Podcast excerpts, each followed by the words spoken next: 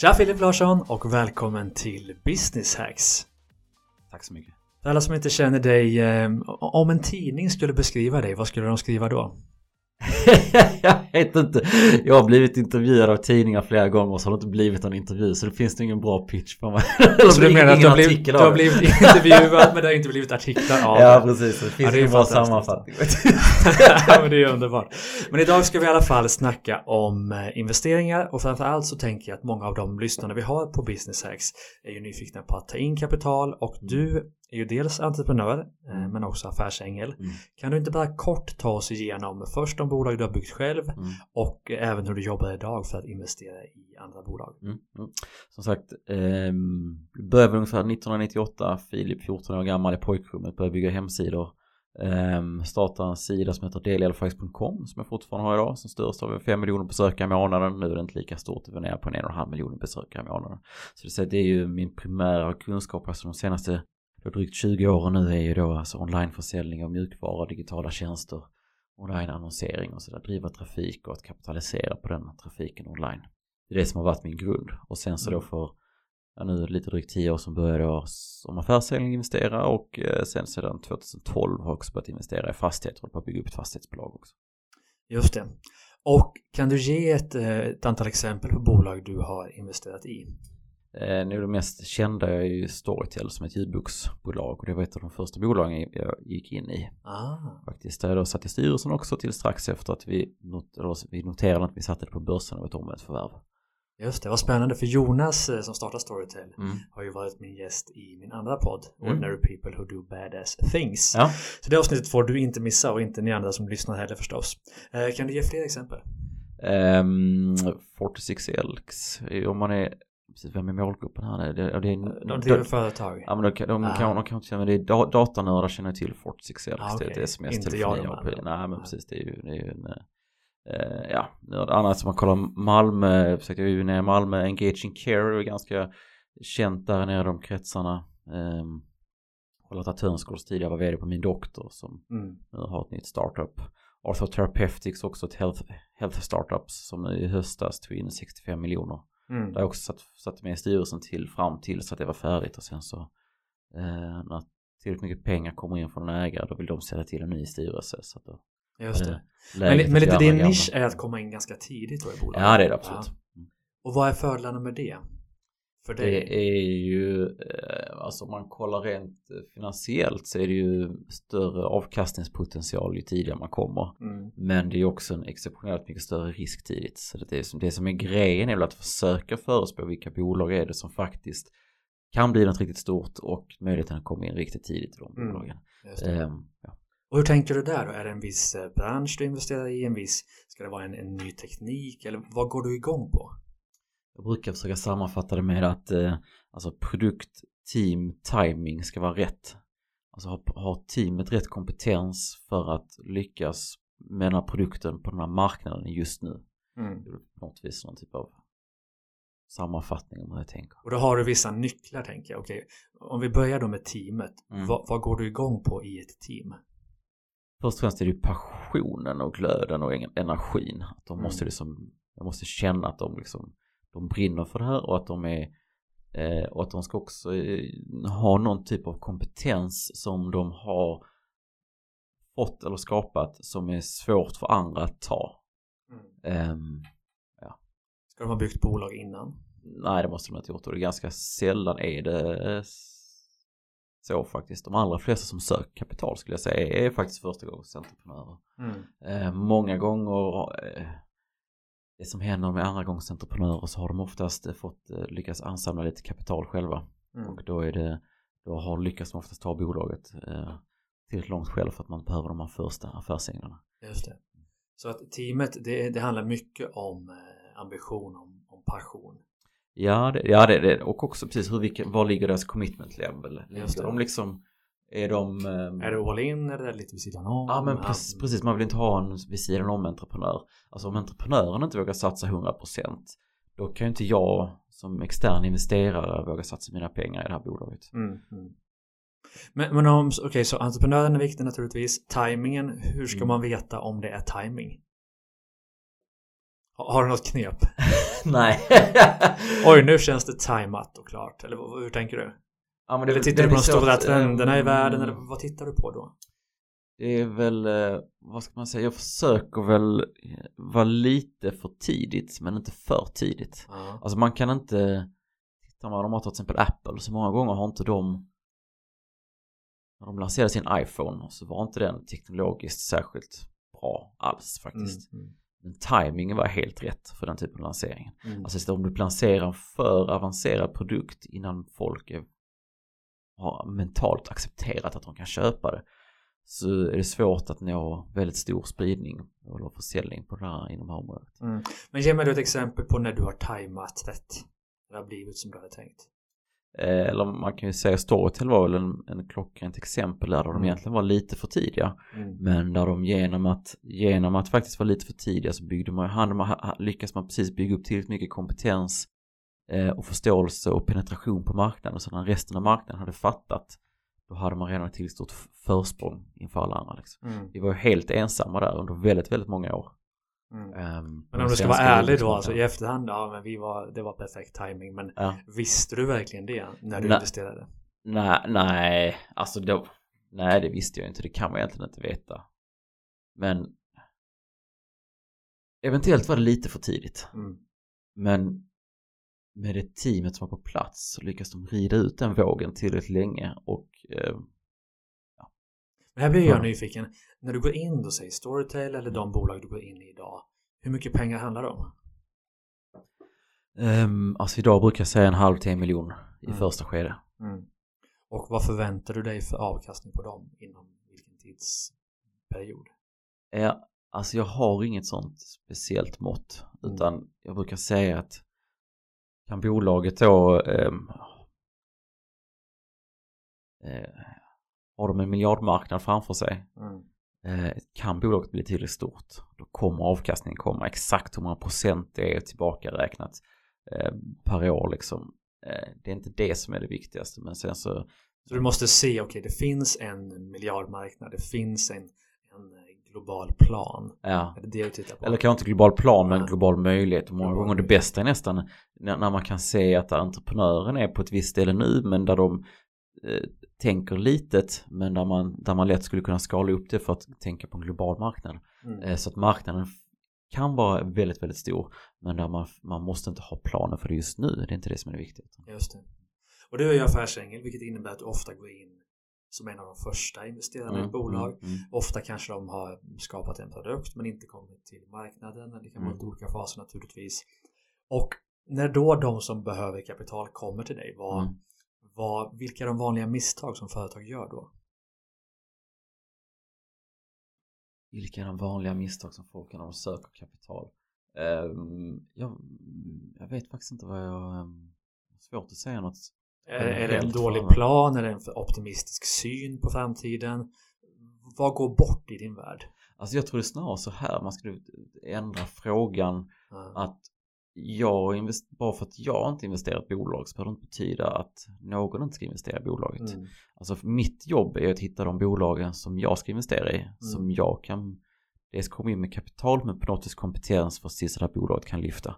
Bara för att jag säger nej så behöver det inte betyda att någon annan ska säga nej. Mm. Ehm, och Alltså man säger så här istället då, när man då ska ta in pengar, vad ska man tänka på? Vad ska man förbereda innan man möter en affärsängel? jag skulle säga det, det handlar bara om att vara dig själv. Alltså du, du måste du måste såklart fatta din business, fatta din, din verksamhet, förstå din marknad. Du Mm. måste kunna dina siffror. Eh, för det handlar om att jag ska ju, du, du måste förstå vad du håller på med. Och Mm. det är liksom inte någon, det är på något sätt någon typ av grundkrav. Det är liksom inte, och har du inte det, eh, nej det är klart det kommer inte, det kommer väldigt svårt att få in kapital.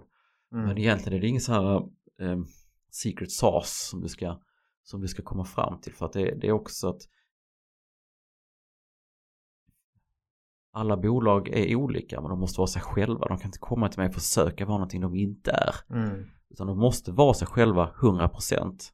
Vara genuina mot, sanna mot både sig själv och mot mig när jag träffar dem. Mm. Ehm, för det är ett ganska så långt, eller ett väldigt långt eh, förhållande faktiskt som man, som man ska gå in i. Mm. Eh, och, och då är det inte någon, eh, då är det inte en, en specifik powerpoint-mall man måste använda eller ska använda utan Mm. jag när de kommer till mig då säger jag till att få ut den informationen som jag behöver och eh, Just det. Men en sak, jag investerar ju med i bolag både själv och genom eh, Västerås Tech Invest. Där vi är 18 affärsängare som har gått tillsammans. Och det vi märker att de bolagen som pitchar för oss ofta har glömt, de har ofta en exitplan för bolaget mm, men inte en exitplan för investerarna. mm, Och det är någonting jag uppskattar väldigt mycket att de kan visa på en plan att okej, ni går in med en halv miljon eller en miljon nu. mm, Vi tror att, eh, eller så här ser vi planen för att ni ska kunna göra en exit om fem eller tio mm, år. mm, Antingen vid nästa runda eller när vi ska gå till börsen eller vad det nu kan mm, vara. mm, Och det tycker jag att eh, alla som ska, eller många som ska tänka kapital i alla fall bör tänka på. Att mm, tänka på investerarna också. Vad, hur ser planen ut för dem? mm. Kan de få tio gånger pengar på fem år eller hur, hur ser det ut? Jag håller inte med. Nej, men det är helt Eh, okej. Det som är grejen är att man om jag gör exit så ska jag, måste jag bara placera pengar någon annanstans. Mm. Och är det ett fint bolag, jag, jag vill ju äga fina bolag. ja.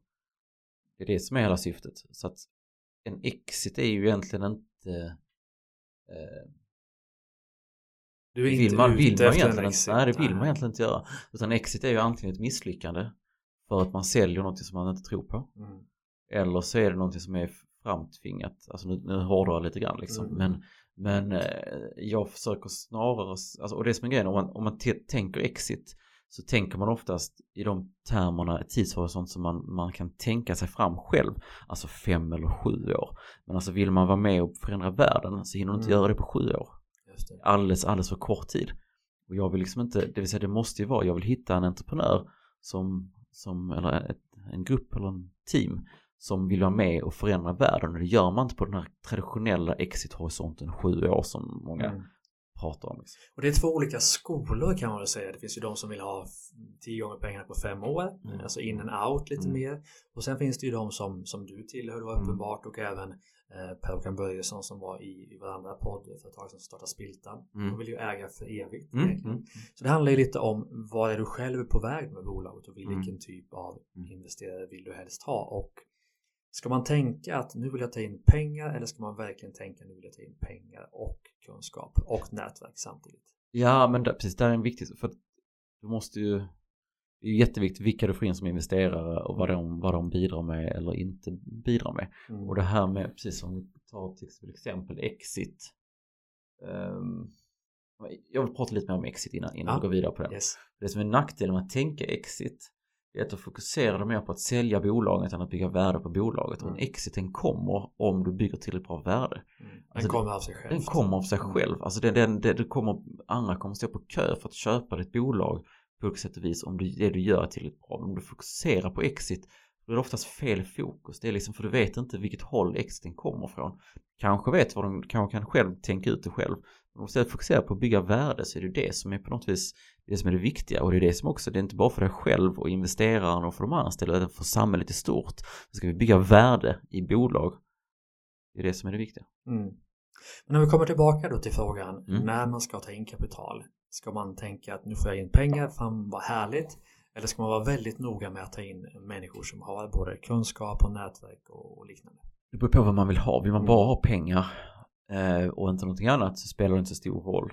Men, men många gånger det som är, om jag går in med en miljon i ett bolag Mm. så får de inte bara miljoner utan de får ju även tid för mig. Och ska de köpa min tid annars då kanske det kostar en miljon. Mm. Men nu får de en miljon och mig på köpet. Men hur mycket kan man förvänta sig? Säg att du skulle gå in i mitt bolag Mm. eller jag har en ny idé och jag Mm. säger Filip det här är coolt, det kommer bli globalt. Mm. Det kommer bli en hockeyklubbsutveckling Ja. som man säger.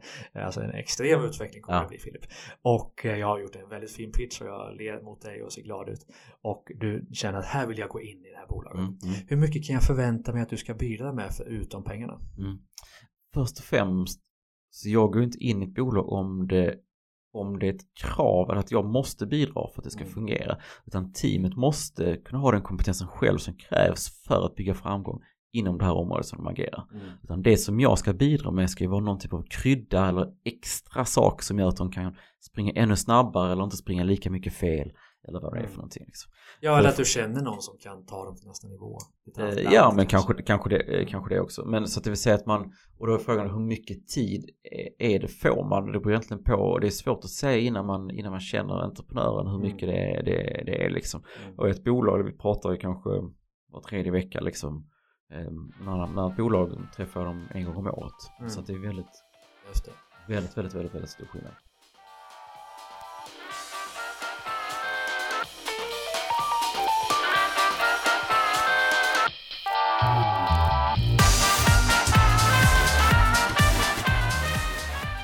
Avsnittet är sponsrat av Soundry och jag tänker att många av er där ute spelar musik i businessen och att ni kanske är missnöjda med er nuvarande musiklösning.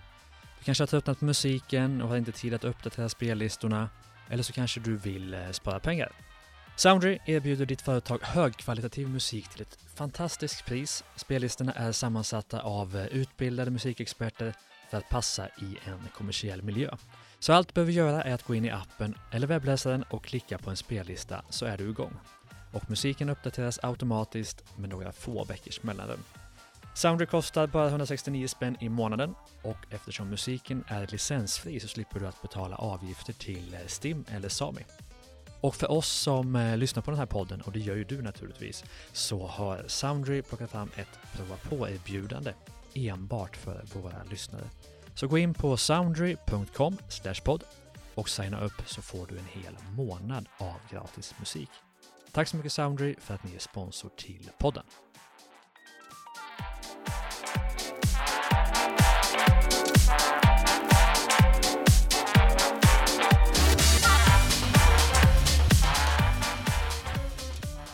Men vi var inne på när vi snackade om vilka bolag du vill investera i så Mm. handlar det mycket om entreprenören förstås. Det Mm, handlar om mm, tajmingen men mm. också om produkten. Mm. Och när du tittar på en produkt då eller tjänst Mm. måste det vara något som är helt unik, en unik teknik som är patenterad eller kan det, kan det vara lite vad som helst? Ehm, produkten i sig måste inte vara unik men det måste vara någonting, någon uniqueness måste finnas. Mm. Eh, det kan bara vara hur man säljer, hur man producerar, hur man eh, Kan du ge ett exempel på något Ta till exempel? Contentor Ja. som är en översättningsbyrå. Det. Det är ju ganska Som du är tråkigt, i. precis som Ja. investerat, sitter och styr en så får också. Mm. Och det är ju lite så att en, att översätta text, det är ju inte så unikt. Men eh, sättet som de försöker göra det med, en- med ett API-integration mot e-handlare eh, är ett unikt sätt som man bygger, på, bygger värde och liksom på ett helt annat sätt jämfört med vad översättningsbyråer annars har gjort tidigare. Mm, mm. Det är väl ett sånt exempel. Just det, så det måste finnas någon form av unikitet. Ja, precis. Eller något precis. nytt sätt att ta sig an ett bekymmer Ja, på. något Ja, sätt. ja. Okej, så att när man då går till, till dig Filip och det Mm. skiljer sig såklart från olika affärsänglar så viktigt att man har ett, ett team som du går igång på. Mm. Du ska känna att tajmingen finns där, det vill säga att det finns en, en, en potentiellt global marknad och det är en trend som är på väg att växa. Mm. Den är viktig. Och sen förstås då att, eh, att produkten, att du känner att här finns det någon form av unikitet. Mm. Det är Mm. det du går igång på. Ja. Så har man dem på plats, Ja. då, då säger du här, har du Precis, va? då ska man, eller precis, då ska man kontakta mig. Mm. Men började du mm, på noll? Eller hade du Eh, pengar från start? Alltså jag hade, ehm, nej men när jag startade då så 98 så hade jag ju noll utan då, och då lyckades jag ju då med, eh, då på den fanns det sådana här gratis hostingsidor man kunde Mm. börja med så att då fick jag ju, det var verkligen noll pengar. Utan bara Mm. så att jag programmerade själv, byggde hemsidor, Mm. började tjäna pengar på annonser, fick hem checkar i kuvert från USA liksom. Ja. Så du Eh, började med att bygga en bolag och där tjänade du en del pengar som du Ja. sen kunde investera. Precis Det ja. var så det funkade. Mm. Och om vi tar de pengarna då, jag är bara nyfiken nu, Ja. som du har investerat i primärt startups då. Mm, mm. Eh, vilken avkastning har du fått på det? Kan du Eh, berätta någonting om hur du har Ja, tjänat på ja, det? Alltså det har ju varit, det har ju varit exceptionellt bra avkastning. Men alltså i, i procent, jag har inte räknat på det. Nej. Alltså det är inte, det som är skönt med att vara affärsängel också det är att jag behöver inte stå till svars för någon annan och, och, och, och visa en Excel eller en PDF eller en PowerPoint med, med fina kurvor, avkastning per år och riskjusterad avkastning och allt vad det heter. Mm. Utan det är bara till mig själv som jag har stått svars för på det. Men jag ställer frågan så här, du, du kan leva det liv du vill tack vare de investeringar du har gjort. Eh, ja, det är på grund av de jag gjort också. Alltså jag har ju, jag har väl kan man säga byggt upp en portfölj av olika typer, alltså affärsänglinvesteringarna Mm. har, har jag, har man säga, lyckats med Men eh, samma lycka har jag skapat inom andra områden också. Så det är, mm. det är ett ben som jag står på. och det andra är fastighet? Fastighet också, mm. precis. Som, eh, det skulle jag gärna gå in på, men inte mm. just det, det Nej, det hinner vi inte idag också. Nej, det hinner vi inte. Men jag är nyfiken då, du har investerat i en massa, en massa bolag och då tänker jag att vissa har ju säkert gått, eller vet jag har gått fantastiskt. Och jag mm. antar att vissa har gått dåligt. Ja. Kan du i efterhand se så här, okej, okay, det här har funkat, det här har inte funkat. Kan mm. du se det i efterhand? Ja, alltså där var ett bolag som jag det var nog mitt tredje bolag jag gick in i som där teamet var fel. Mm. Och där jag efterhand Alltså jag kunde inte peka på det, alltså så här i liksom en Excel-fil vad det var för ting. Men det var någonting i magen som sa till mig mm. att det är någonting som är fel. Men jag fattade inte vad det var och gick ändå in i bolaget. Mm. Och mycket riktigt, teamet var inte tillräckligt executable, inte tillräckligt uthålliga för att faktiskt eh, dra det i mål. Utan det var mest ursäkter som kom. Mm. Um, och, ja.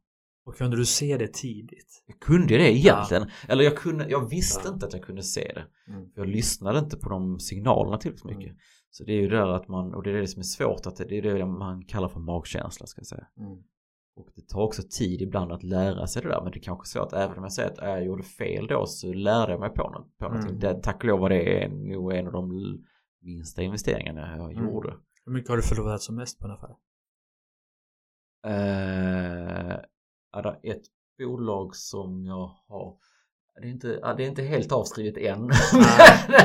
det är en dryg miljon. Visst går man och hoppas lite alltså. Precis ja. Där har jag gått in över, över en miljon och där är ju eh, Ja precis ja. Det är bolaget är väl eh, Finns fortfarande men eh, Ja Många som investerar säger ju att en av tio ska betala för de andra nio. Ja. Men jag håller inte alls med om att det är en strategi man ska gå efter. Nej, Rimligtvis så, jag menar, om man är hyggligt duktig på att investera borde man ju kunna se när man går in så tidigt som du och jag gör. Mm, mm. Vi kanske ofta går in när värderingen är på 5, 10, 15 miljoner mm, någonstans och så mm. går vi in med en halv miljon. Eh, där tycker jag att är det ett duktigt team mm. så borde de ändå kunna bygga det till en nivå där bolaget i alla fall är värt 15-20 miljoner. Mm, så mm, tänker jag ofta. mm, Men går man däremot in i ett bolag är värt på pappret då 30, 40, 50 miljoner. Mm, mm. Då är det svårt att försvara värdet efter ett tag. Så jag gillar ju att gå in tidigt. Mm. Men som sagt, vi, vi gör ju misstag då. Vi förlorar ju mycket pengar också på Mm, att, eh, mm. på att gå in i fel bolag. Men har du, har, har du någon form av set of rules, alltså någon regelbok nu när du går in i ett bolag att det här måste finnas på plats? Eller är det från gång till gång?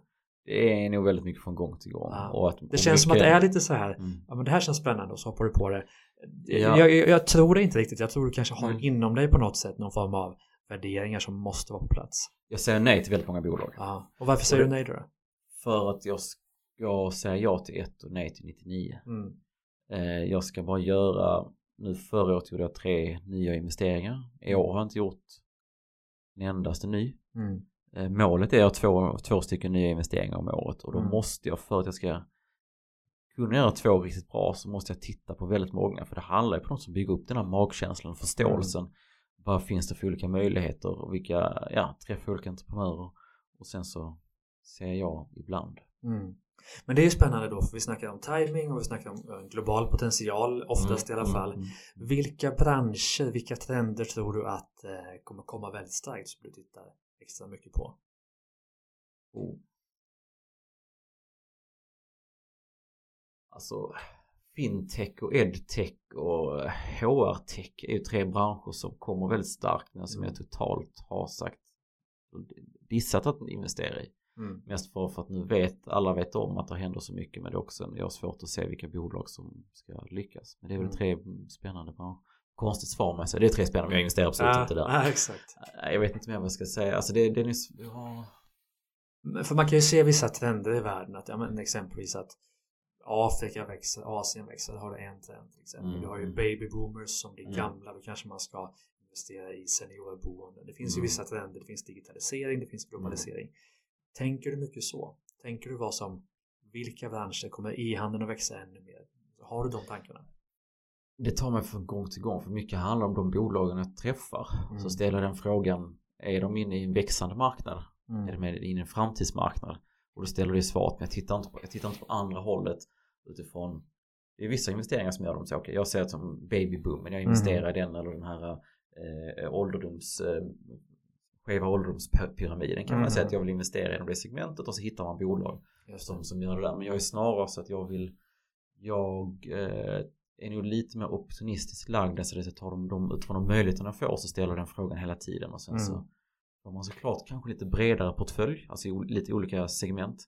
Um, men um, ja, ja, så har jag valt det.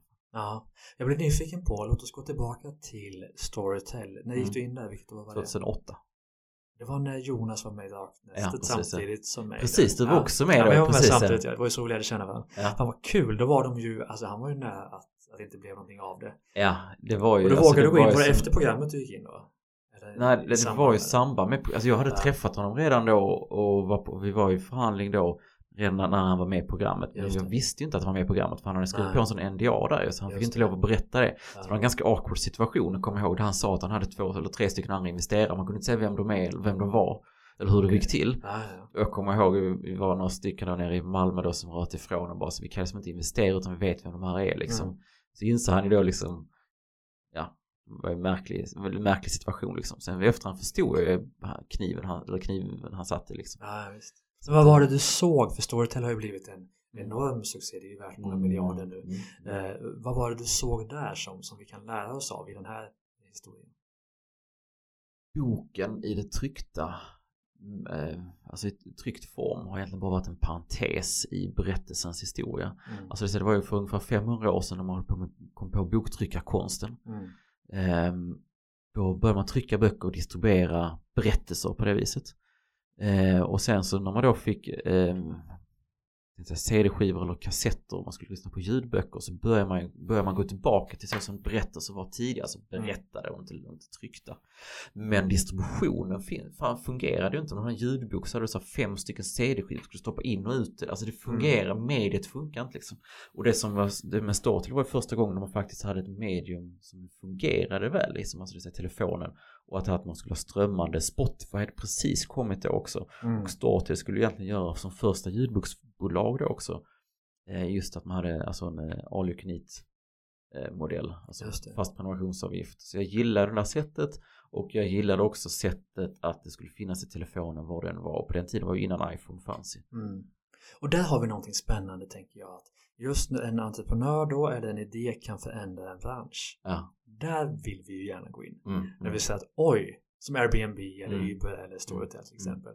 Det är de vi vill hitta mm, och det kanske är ett, ett tips då till alla som vill ta in pengar. Att visa på hur ska du förändra en bransch? Mm. Och det behöver inte vara någon cool fintech eller edtech. Det kan lika gärna vara hur ska jag förändra sågbranschens eh, någonting va? Mm, ja men samtidigt ja. är det så att du ska ju inte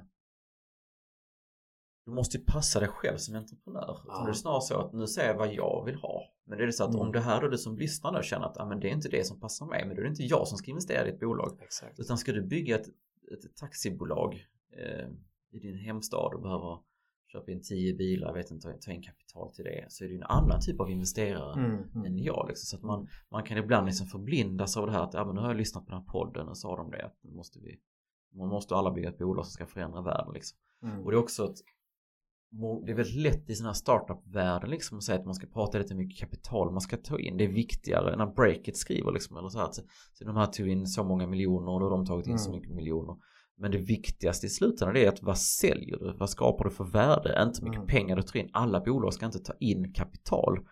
Så ska du ha en, en annan typ av verksamhet. Du kanske också ska fråga dig Måste jag eller ska jag? Är det ens lämpligt in kapital och om jag gör det, vilka typer av investerare är då verkligen rätt till den här mm. typen av verksamhet? Och hur ska man tänka då? För det finns ju banken och Almi såklart för mer ja. traditionella lån om mm. man behöver köpa in en maskin. Det mm. finns ju leasingupplägg också. Mm. Så det finns ju väldigt många andra upplägg. Jag upplever ju att affärsänglar behövs primärt i bolag som har en lite längre sträcka att ta sig till någon form av av mm. Eh, mm. vinst då. Ja, ja men precis. precis ja. Och det är en jätteviktig jätteviktigt smörjmedel i maskineriet att det finns eh, idiotiska privatpersoner som vill spendera sina eller lägga sina egna pengar på crazy idéer. Mm.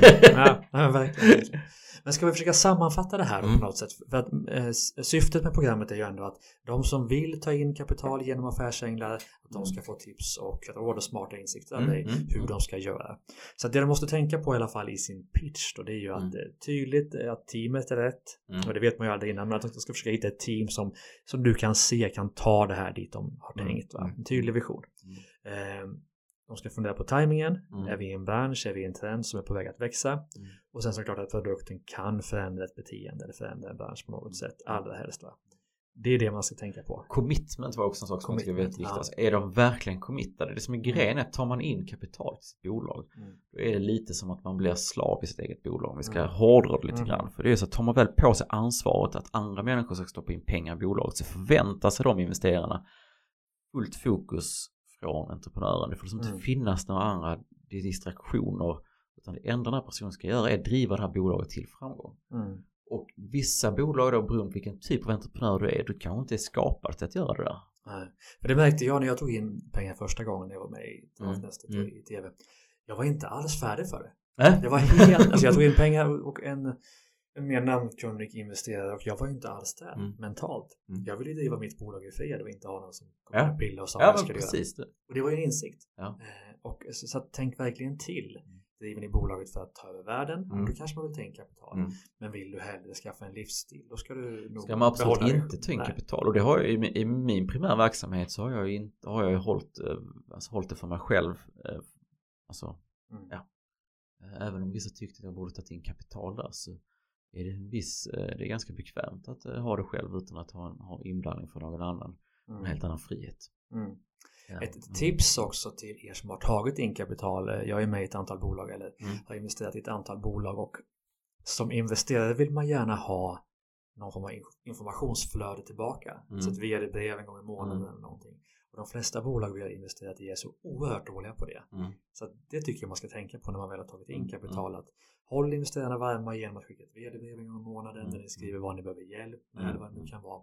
Och framför allt när ni har en person inne som har gått in med pengar att be om hjälp. För Mm. den personen är upptagen med annat. Ja. Det är lite den som skriker högst får ju mest hjälp. Så att Precis. be verkligen om hjälp så mycket det bara går. Precis, och det är också precis, om du gör ditt vd-brev eller vad det är för någonting. Det där ser väldigt olika ut från de olika bolagen. Leta inte efter den perfekta mallen utan hitta någonting som funkar för just dig. Alltså du Mm. vet vad, om du som entreprenör, vad behöver du?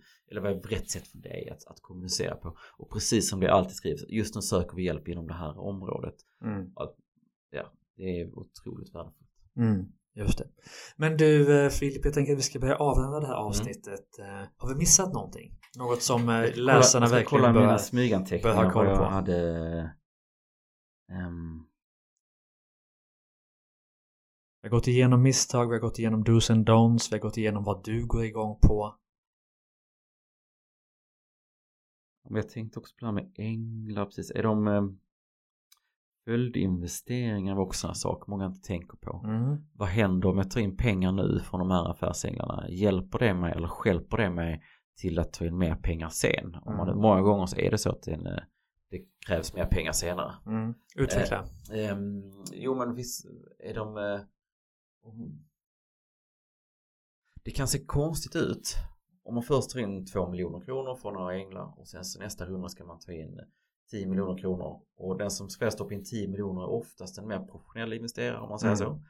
Och då tittar de på ägarlistan och säger de så här, "Ja, vem, har, vem kommer också investera nu på den här nya värderingen? Mm. Nej men det är ingen som kommer att investera. Varför kommer inte göra det? De här andra affärsänglarna, varför kom- kommer inte de investera? Det måste ett investering, eller värderingen är troligtvis för hög och f- helt fel. Vi måste, värderingen ska vara mycket lägre och då kan det vara så att antingen kan det vara så att det är det.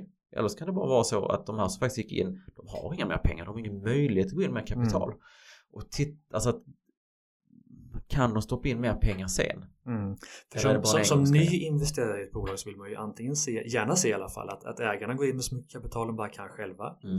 Eller att de som har investerat tidigare vill gå in med mer kapital Mm, för mm. att de tror så mycket på Precis, bolaget och vill precis. fortsätta investera. Bara ta så många procent som Ja, möjligt. ja, ja. Då går man ju igång själv. Precis precis. Och gärna tror jag också att när du ska ta in eh, en investerare så ha gärna flera möjliga eh, på gång. Mm. För det ska man vara krass som affärsängel att man går igång på att andra är sugna på ett bolag. Så är det. Man Lite brukar säga att det är den första och den sista eh, signaturen på, eller på investeraren som är svårt att få. Mm. Innan man har en enda som säger ja, Mm. då är det väldigt svårt för någon annan som att säga ja också. Men så fort man Mm. har en som säger ja så brukar det gå väldigt snabbt Mm. eh, att få in de andra.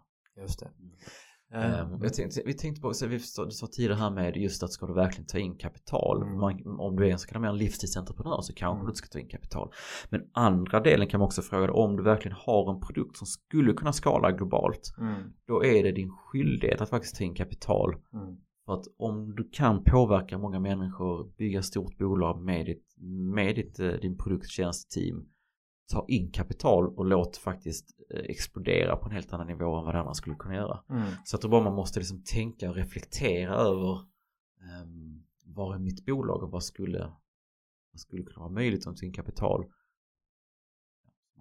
Reflektera över det. Ja men exakt. Ja, men har du en idé som, som kan förändra världen och göra någonting bättre för människor så som du säger, det är lite din skyldighet att, att göra det Ja. så stort som möjligt. Ja, precis. Vad ska du annars göra med din tid? Och det, och det är lite så, vi har ett kapitalistiskt system Ja. av en anledning. Det är att de som har pengar ska stoppa dem till de som kan förvalta och skapa värde med de pengarna.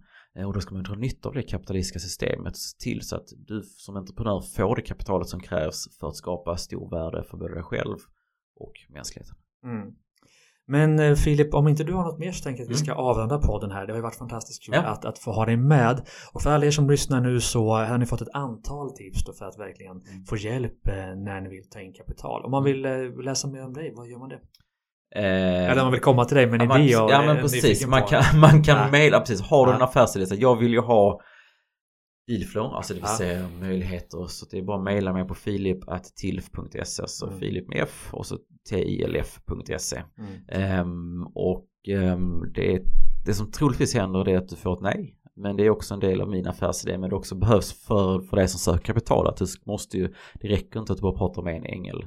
Utan du, precis som jag som ängel som ska titta på många bolag så ska du som bolag också titta på många änglar. Så det är, Och titta också på änglar som kanske kan din bransch, som är nyfikna Ja, på din bransch, har engagemang, känner folk och som inte bara har pengar. Det är väl det Precis. optimala i alla fall. Exakt, exakt. Jag försöker i alla fall investera så att jag, de bästa investeringarna är när jag kan tillföra något mer än bara kapital. Och det är Mm. också roligast. För det är otroligt roligt att investera som affärsängel. Exakt, och gärna också människor som kanske har kontakter utomlands, som har gjort en resa utomlands. Fundera på, var är du på väg med bolaget? Okej, jag säger att jag kan ta det till Norden, till Tyskland, till Holland, till USA. Ja, men okej, försöka få in en, ett advisory board, en affärsängel, en ordförande som har gjort den resan innan. Eller? Ja, absolut. Ja. Ja, precis. Absolut. De, de som gjort resan tidigare som kan bidra på ett eller annat vis med vilka delar av det som bolaget behöver. Mm. Väldigt värdefullt. Fantastiskt att ha dig här Filip. Eh, Stort tack för din tid. Tack så mycket. Mina vänner, detta var ju ett underbart avsnitt av Business Hacks tillsammans med affärsängeln och entreprenören Filip Larsson som har kommit hit ända ifrån Skåne. Idag spelar vi in i Umeå och eh, glöm inte att lyssna på våra andra poddar Ordinary People Who Do Badass Things. Jag intervjuar många av Sveriges absolut coolaste företagare och naturligtvis Starta Eget-podden för dig som håller på att starta eget. Poddarna finns på driva-eget.se och där du lyssnar på poddar i vanliga fall. Vi avslutar det här avsnittet med härlig musik ifrån Soundry. Tack så mycket för idag. Hej då!